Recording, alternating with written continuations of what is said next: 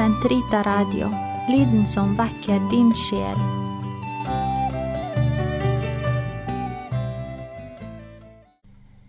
Karmels hage, episode 35 Therese av Avila, tårenes bønn. Men Herre, du er jo barmhjertighetens Gud. Vis derfor din barmhjertighet mot denne stakkars synderinne, denne lille Mark, som drister seg så mye for ditt åsyn. Se, min Gud, til mine ønsker, og på de tårer som følger med min bønn, og glem mine gjerninger for barmhjertighetens skyld. Ha med lidenhet med så mange sjeler som går fortapt. Stå din kirke bi. Tillat ikke, Herre, flere herjinger innen kristenheten, og la ditt lys spre dette mørket. Hvem er det som skriver dette? Jo, det er Karmels mor, Teresa av Avila. Vi hørte mye om henne i vinter og vår i Karmels hage, og i dag forbereder vi hennes feiring i morgen den 15. oktober, med noen tanker om bønn som hun har skrevet om, og som jeg har savnet, samlet i et lite hefte som heter Teresa av Avila, Tårenes bønn.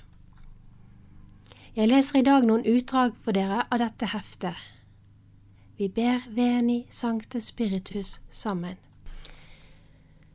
Kom, Hellig Ånd, fyll dine troendes hjerter og tenn i dem din kjærlighetsild. Du som gjennom de mangfoldige tungemål samlet alle folkeslag til troens enhet. Send ut din ånd, og alt skal bli omskapt, og du fornyer jordens åsyn. La oss be. Gud, du har opplyst de troendes hjerter ved Den hellige ånd. Gi oss at vi ved din ånd kan glede over oss over det som er rett, og alltid bli lykkelige ved Hans trøst. Ved Kristus, vår Herre. Amen. Tårer i Teresas skrifter Siden midten av 1990-tallet Mm, ja, faktisk før jeg ble kristen, og før jeg fikk ta steget inn i den katolske kirke, har jeg kjent en gråtende helgen. Teresa av Avila. Den gangen visste jeg det ikke, men nå vet jeg det. For henne var bønnen tårer. I sin velkjente beskrivelse av de fire måtene mennesker kan holde indre bønn på, som hun beskriver i Boken om et liv, er det vann hun bruker som bilde der stadiene i bønnen sammenlignes med måter å vanne en hage på. Hun beskriver først de fire måtene. 1. Å vanne med bøtter som dras opp av brønnen, og som jo er tungt arbeid. 2. Ved hjelp av et paternosterverk og vannspann. 3. Ved hjelp av vanningskanaler fra en elv eller en bekk. Og til slutt fire ved rikelig regn. Og så presiserer hun. Med vann mener jeg her tårer, og skulle de ikke finnes, ømhet og en dyp følelse av andakt. Merkelig at jeg ikke la merke til det den gang da jeg begynte å lese hennes selvbiografi, Alle tårene. Det jeg da la merke til, var alle overnaturlige fenomener og gaver spesielt hennes visjoner, samtaler med Jesus, for ikke å snakke om levitasjoner. Nå, etter å ha lest hennes skrifter med en annen oppmerksomhet, ser jeg jo at for henne var tårene en helt naturlig del av bønnen. Ja, de var bønn. Vann og tårer er de begreper hun altså bruker for å snakke om bønn. Forskjellige nivåer og aspekter. Håpløshet og anger over egne synder, og mangle dyder, lengsel, fred og glede. Nå er vi så heldige at Teresa Avilas samlede verker er oversatt til engelsk og utstyrt med en grundig indeks, så det er mulig for meg å lokalisere hvor hun har brukt eksempel ordet tårer. Totalt i hennes samlede verker skriver hun om gråt og tårer opp mot hundre ganger. Det verket der tårer forekommer hyppigst, er i boken om et liv. der ordet tårer forekommer hele 34 ganger. Det er kanskje ikke så rart i og med at boken dreier seg om Teresas forferdelige sykdom, omvendelse og den forfølgelse og baksnakkelse og angst hennes syner og visjoner avstedkom. Det er også i denne bokens kapittel 11 at hun beskriver tårenes bønn og dens verdi. Selv om Teresa, som vi skal se om vi leser Den indre borgen, nyanserte sitt syn på tårer etter hvert, tror jeg likevel at man kan si at hun i hele sitt åndelige liv og i alle sine skrifter ser på tårer som en helt naturlig del av bønnen. Tårenes årsak og hermetegn innhold endrer seg etter hvert som hennes forhold til Jesus Kristus utvikler seg.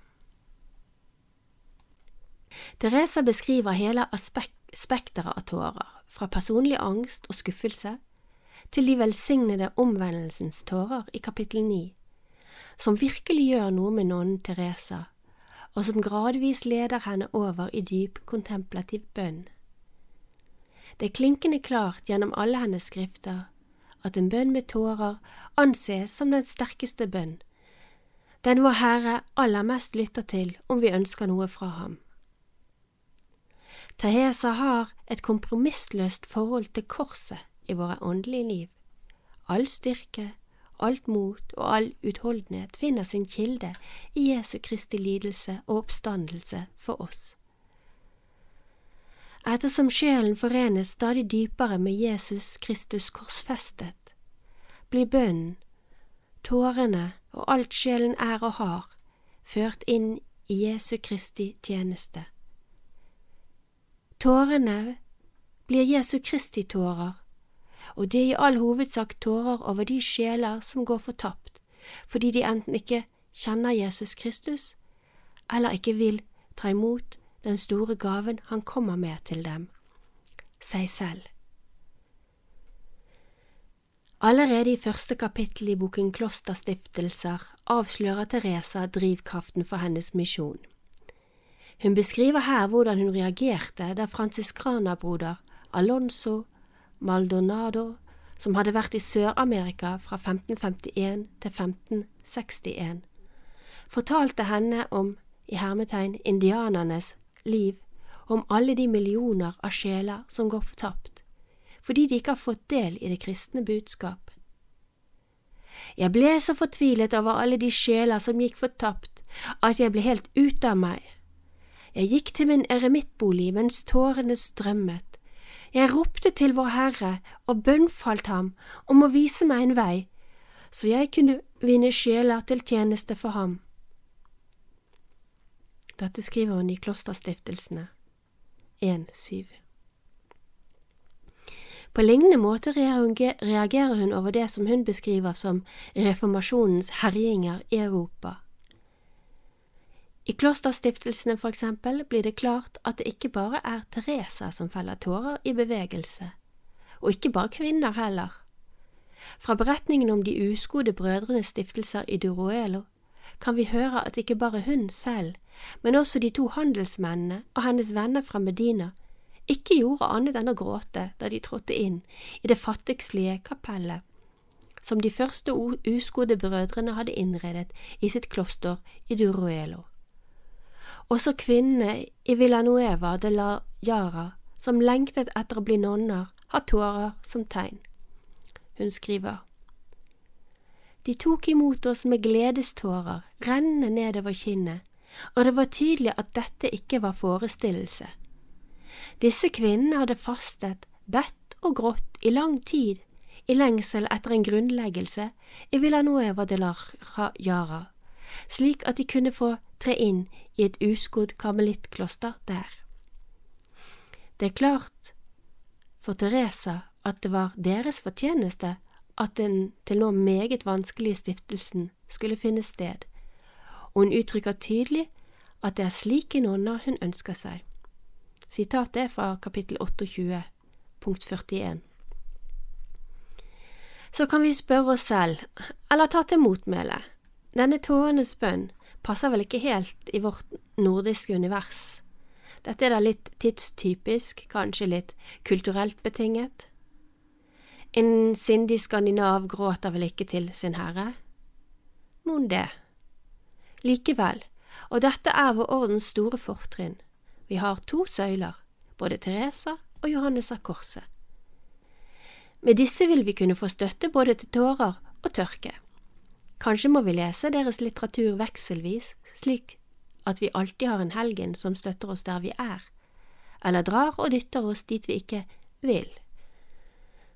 Teresa har sin egen karisma, og selv om hun deler Karmes spiritualitet med Johannes av Korset, er det stor forskjell på hvordan hun og han fremstiller bønnen og dens stadier. Mens Johannes har Korset i sine skrifter er teologen som forklarer den kontemplative bønnen systematisk, med utgangspunkt i sin poesi, er Teresa ifølge henne selv en ulærd kvinne som kun kan skrive om noe hun har opplevd selv. Like fullt er hennes skrifter dypt understøttet av kirkens teologiske sannheter, formidlet til henne gjennom datidens store teologer, som hun oppsøkte og samtalte med, og ikke minst direkte fra Jesus Kristus selv, han som sa, Jeg skal være din bok, da inkvisisjonen brente hennes favorittlektyre. Men før vi fordyper oss i Teresas forklaringer, tar vi en liten runde via den andre av ordens søyle, Johannes av Korset. Når det gjelder ord og tårer, finner vi det for eksempel i Johannes av Korsets verker, som er på over 880 sider, brukt kun fire gang ganger, om vi skal stole på indekslisten. To av disse er sitater fra Salmenes bok, og en av disse er en reprimande til priorinden i Caravaca, Anna de San Alberto. Han irettesetter henne for ikke å stole på sin herre, og kaller tåren hun gråter for tåpelige tårer. Når det gjaldt åndelige følelser og overnaturlige nådegaver, var Johannes sitt råd alltid det samme, bry deg ikke om det. Men også Johannes av Korset må ta til tårene, eller vi kan anta det. Han sparer imidlertid tårene til det mest ekstreme, som er sjelens uutholdelige plage i den forferdelige renselsen som foregår i Åndens natt. Og vi siterer fra Sjelens mørke natt. Bok to, kapittel ni, syv.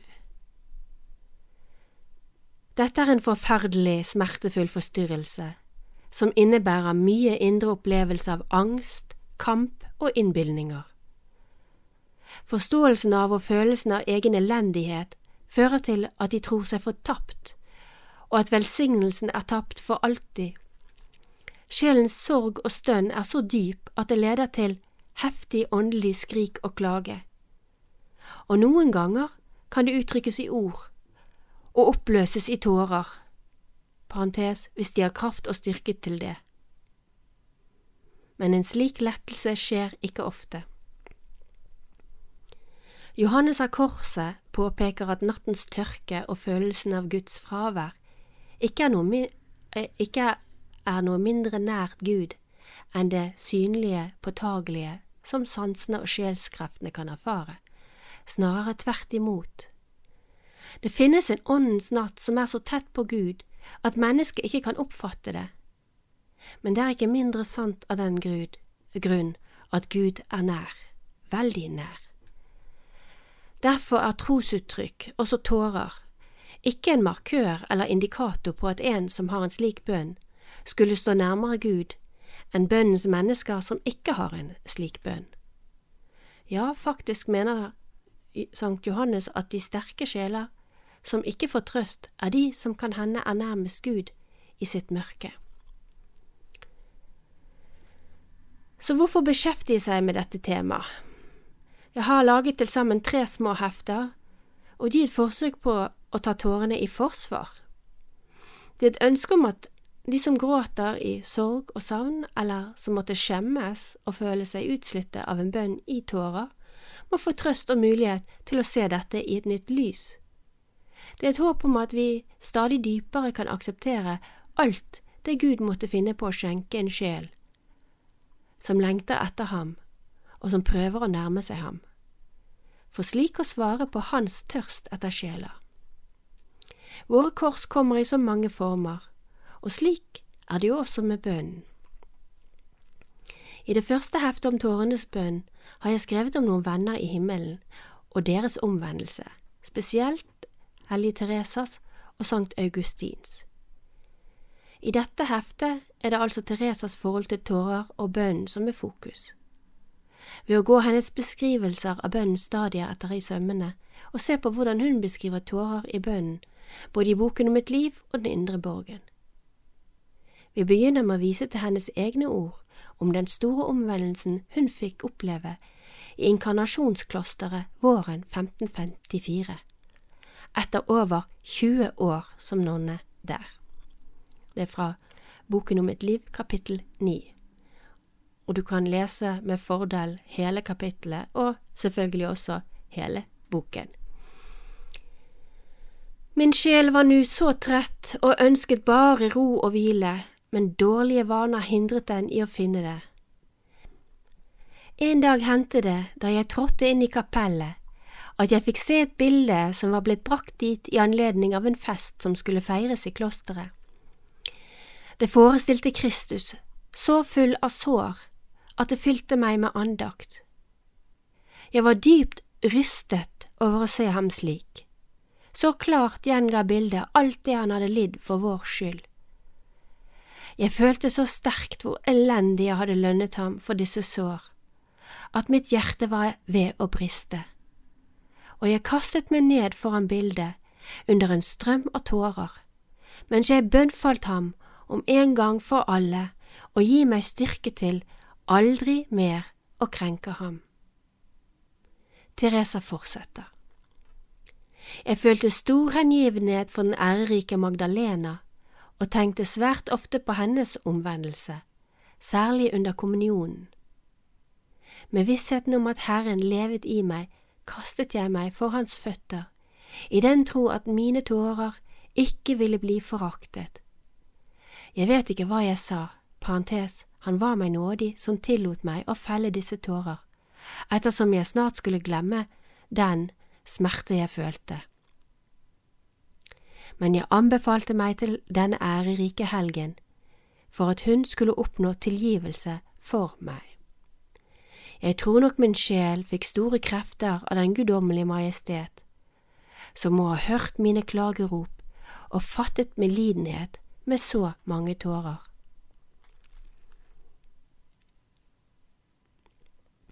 Det skulle være hevet over enhver tvil at idet Teresa skriver Boken om mitt liv, så er tårer en avgjørende del av bønnen, ja, til en slik grad at hun altså sier med bønn mener jeg her tårer. Før vi skal se hva Therese har å si om tårer i de forskjellige stadier og boliger, kan det være greit med en kort oppsummering av de forskjellige stadiene hos Teresa. Slik karmelittfader Marie Eugene fremstiller dette i den meget lesverdige og også krevende boken I Want to See God. Det følgende er min oversettelse fra engelsk. Gå gjerne til boken, og kan du fransk, til originalen.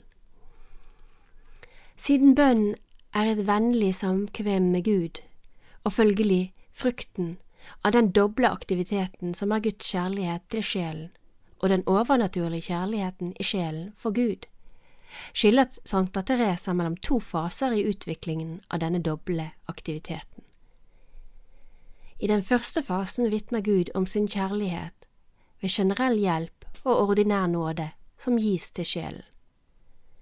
Det er sjelen selv som tar initiativet og bærer hovedvekten i bønnen. I den andre fasen griper Gud inn i bønnen på en mer kraftfull og spesifikk måte som i økende grad gir ham herredømme over sjelen, og reduserer den sakte, men sikkert til passivitet. Den første fasen samsvarer med, de første med den første vanningsmåte i hagen, der man med hardt arbeid trekker vann opp fra bønnen, og som korresponderer med de tre første boligene i den indre borgen. Den andre fasen som faller inn under de tre andre vanningsmåtene, inkluderer de fire andre dypereliggende boligene. Hvilens bønn, andre vanningsmåte, og sjelskreftenes passifisering, tredje vanningsmåte, tilhører den uperfekte kontemplative bønnen innen fjerde boligen. Den fjerde måten å vanne hagen på, som tillater et, en stadig økende perfeksjonering av foreningens bønn, studeres med stor oppmerksomhet og utrolig detaljrikdom i den femte, sjette og syvende boligene, altså da i den indre borgen. Teresa hadde ikke tilgang på det hun hadde skrevet tidligere. Det vil derfor være forskjeller i hvordan hun beskriver bønnen og stadiene. Derfor kan det være godt å ha et par tanker i bakhodet før vi går nærmere inn på innholdet i Sankta Teresas skrifter. Alle dreier seg om den avstand i tid og erfaring som skiller hennes betraktninger over bønnen, i to, særlig i de to bøkene Boken om et liv og Den indre borgen. Det første punktet er da Teresa skrev boken om et liv mellom 1562 og 1565, hadde hun ennå ikke opplevet den ekteskapelige foreningen med Gud i bønn. Den foreningen hun snakker om under fjerde vanningsmåte, er fremdeles ikke permanent og fullkommen, selv om hun åpner opp for den ekteskapelige foreningen og intuitivt skriver om dette. I Den indre borgen fra 1577 får vi en detaljert beskrivelse av de forskjellige foreningens stadier, og, inkluderer, og hun inkluderer den ekteskapelige mystiske foreningen med Gud, som hun opplevde den 18. november 1572, og også det mørke og lidelse som kommer forut for dette. Disse tre boligene, altså fem til syv, er alle inkludert i det som hun tidligere har beskrevet som fjerde vanningsmåte. Også punkt to. Boken om et liv er hennes selvbiografi. Den er en fremstilling av det hun skjønte og visste da hun i 1562 fikk påbud om å skrive om sine bønneerfaringer. Boken ble påbegynt mens hun ennå var nonne i inkarnasjonsklosteret, og ble fullført i St. Josef-klosteret i Avila. Det hun formidler, er i hovedsak basert på hennes personlige erfaringer, og kun dette. Den indre borgen, altså tredje punkt, er hennes mesterverk og siste bok, påbegynt ganske nøyaktig fem år etter hennes mystiske ekteskapelige forening med Gud. Mens boken om et liv oppsto før hun hadde noe som helst anelse om at hun skulle leve et nonneliv som klosterstifter, er Den indre borgen skrevet etter at hun hadde stiftet sitt tiende kloster. Et hav av egne og andre menneskers erfaringer finnes mellom disse to fremstillingene. Det er interessant å se hvilken betydning dette har for hennes fremstilling og syn på for eksempel tårenes bønn. Mens hun i sine tidligere versjoner for det meste snakket i positive ordelag om tårer, har hun i den indre borgen en rekke forbehold. Alle som resultat av erfaring med andre mennesker, indre dynamikk i klostre, psykisk sykdom og andre menneskelige svakheter. Den indre borgen var hennes siste verk, det mest fullstendige av det hun har skrevet. Hun påpeker derfor at om noe hun skriver i den indre borgen skulle stride mot noe hun har skrevet tidligere, ja, så er det den indre borgen som vil ha det avgjørende ordet. Jeg har nå lest noen utdrag av heftet om Therese av Avila og hennes forhold til bønnens tårer. Om det skulle være interesse for deg, ta for deg boken om et liv og les med ny oppmerksomhet. Gjør det samme med den indre borgen. Vi avslutter i dag med noen ord fra Teresas vakre bønn, Din er jeg, til deg jeg fødtes. Skjenk meg rikdom eller armod, trøst meg eller la meg motløs, skjenk meg glede eller sorg, gi meg helvet eller himmel, gode dager fylt av sol, alt er godt for jeg er din. Hva er din vilje med meg? Amen.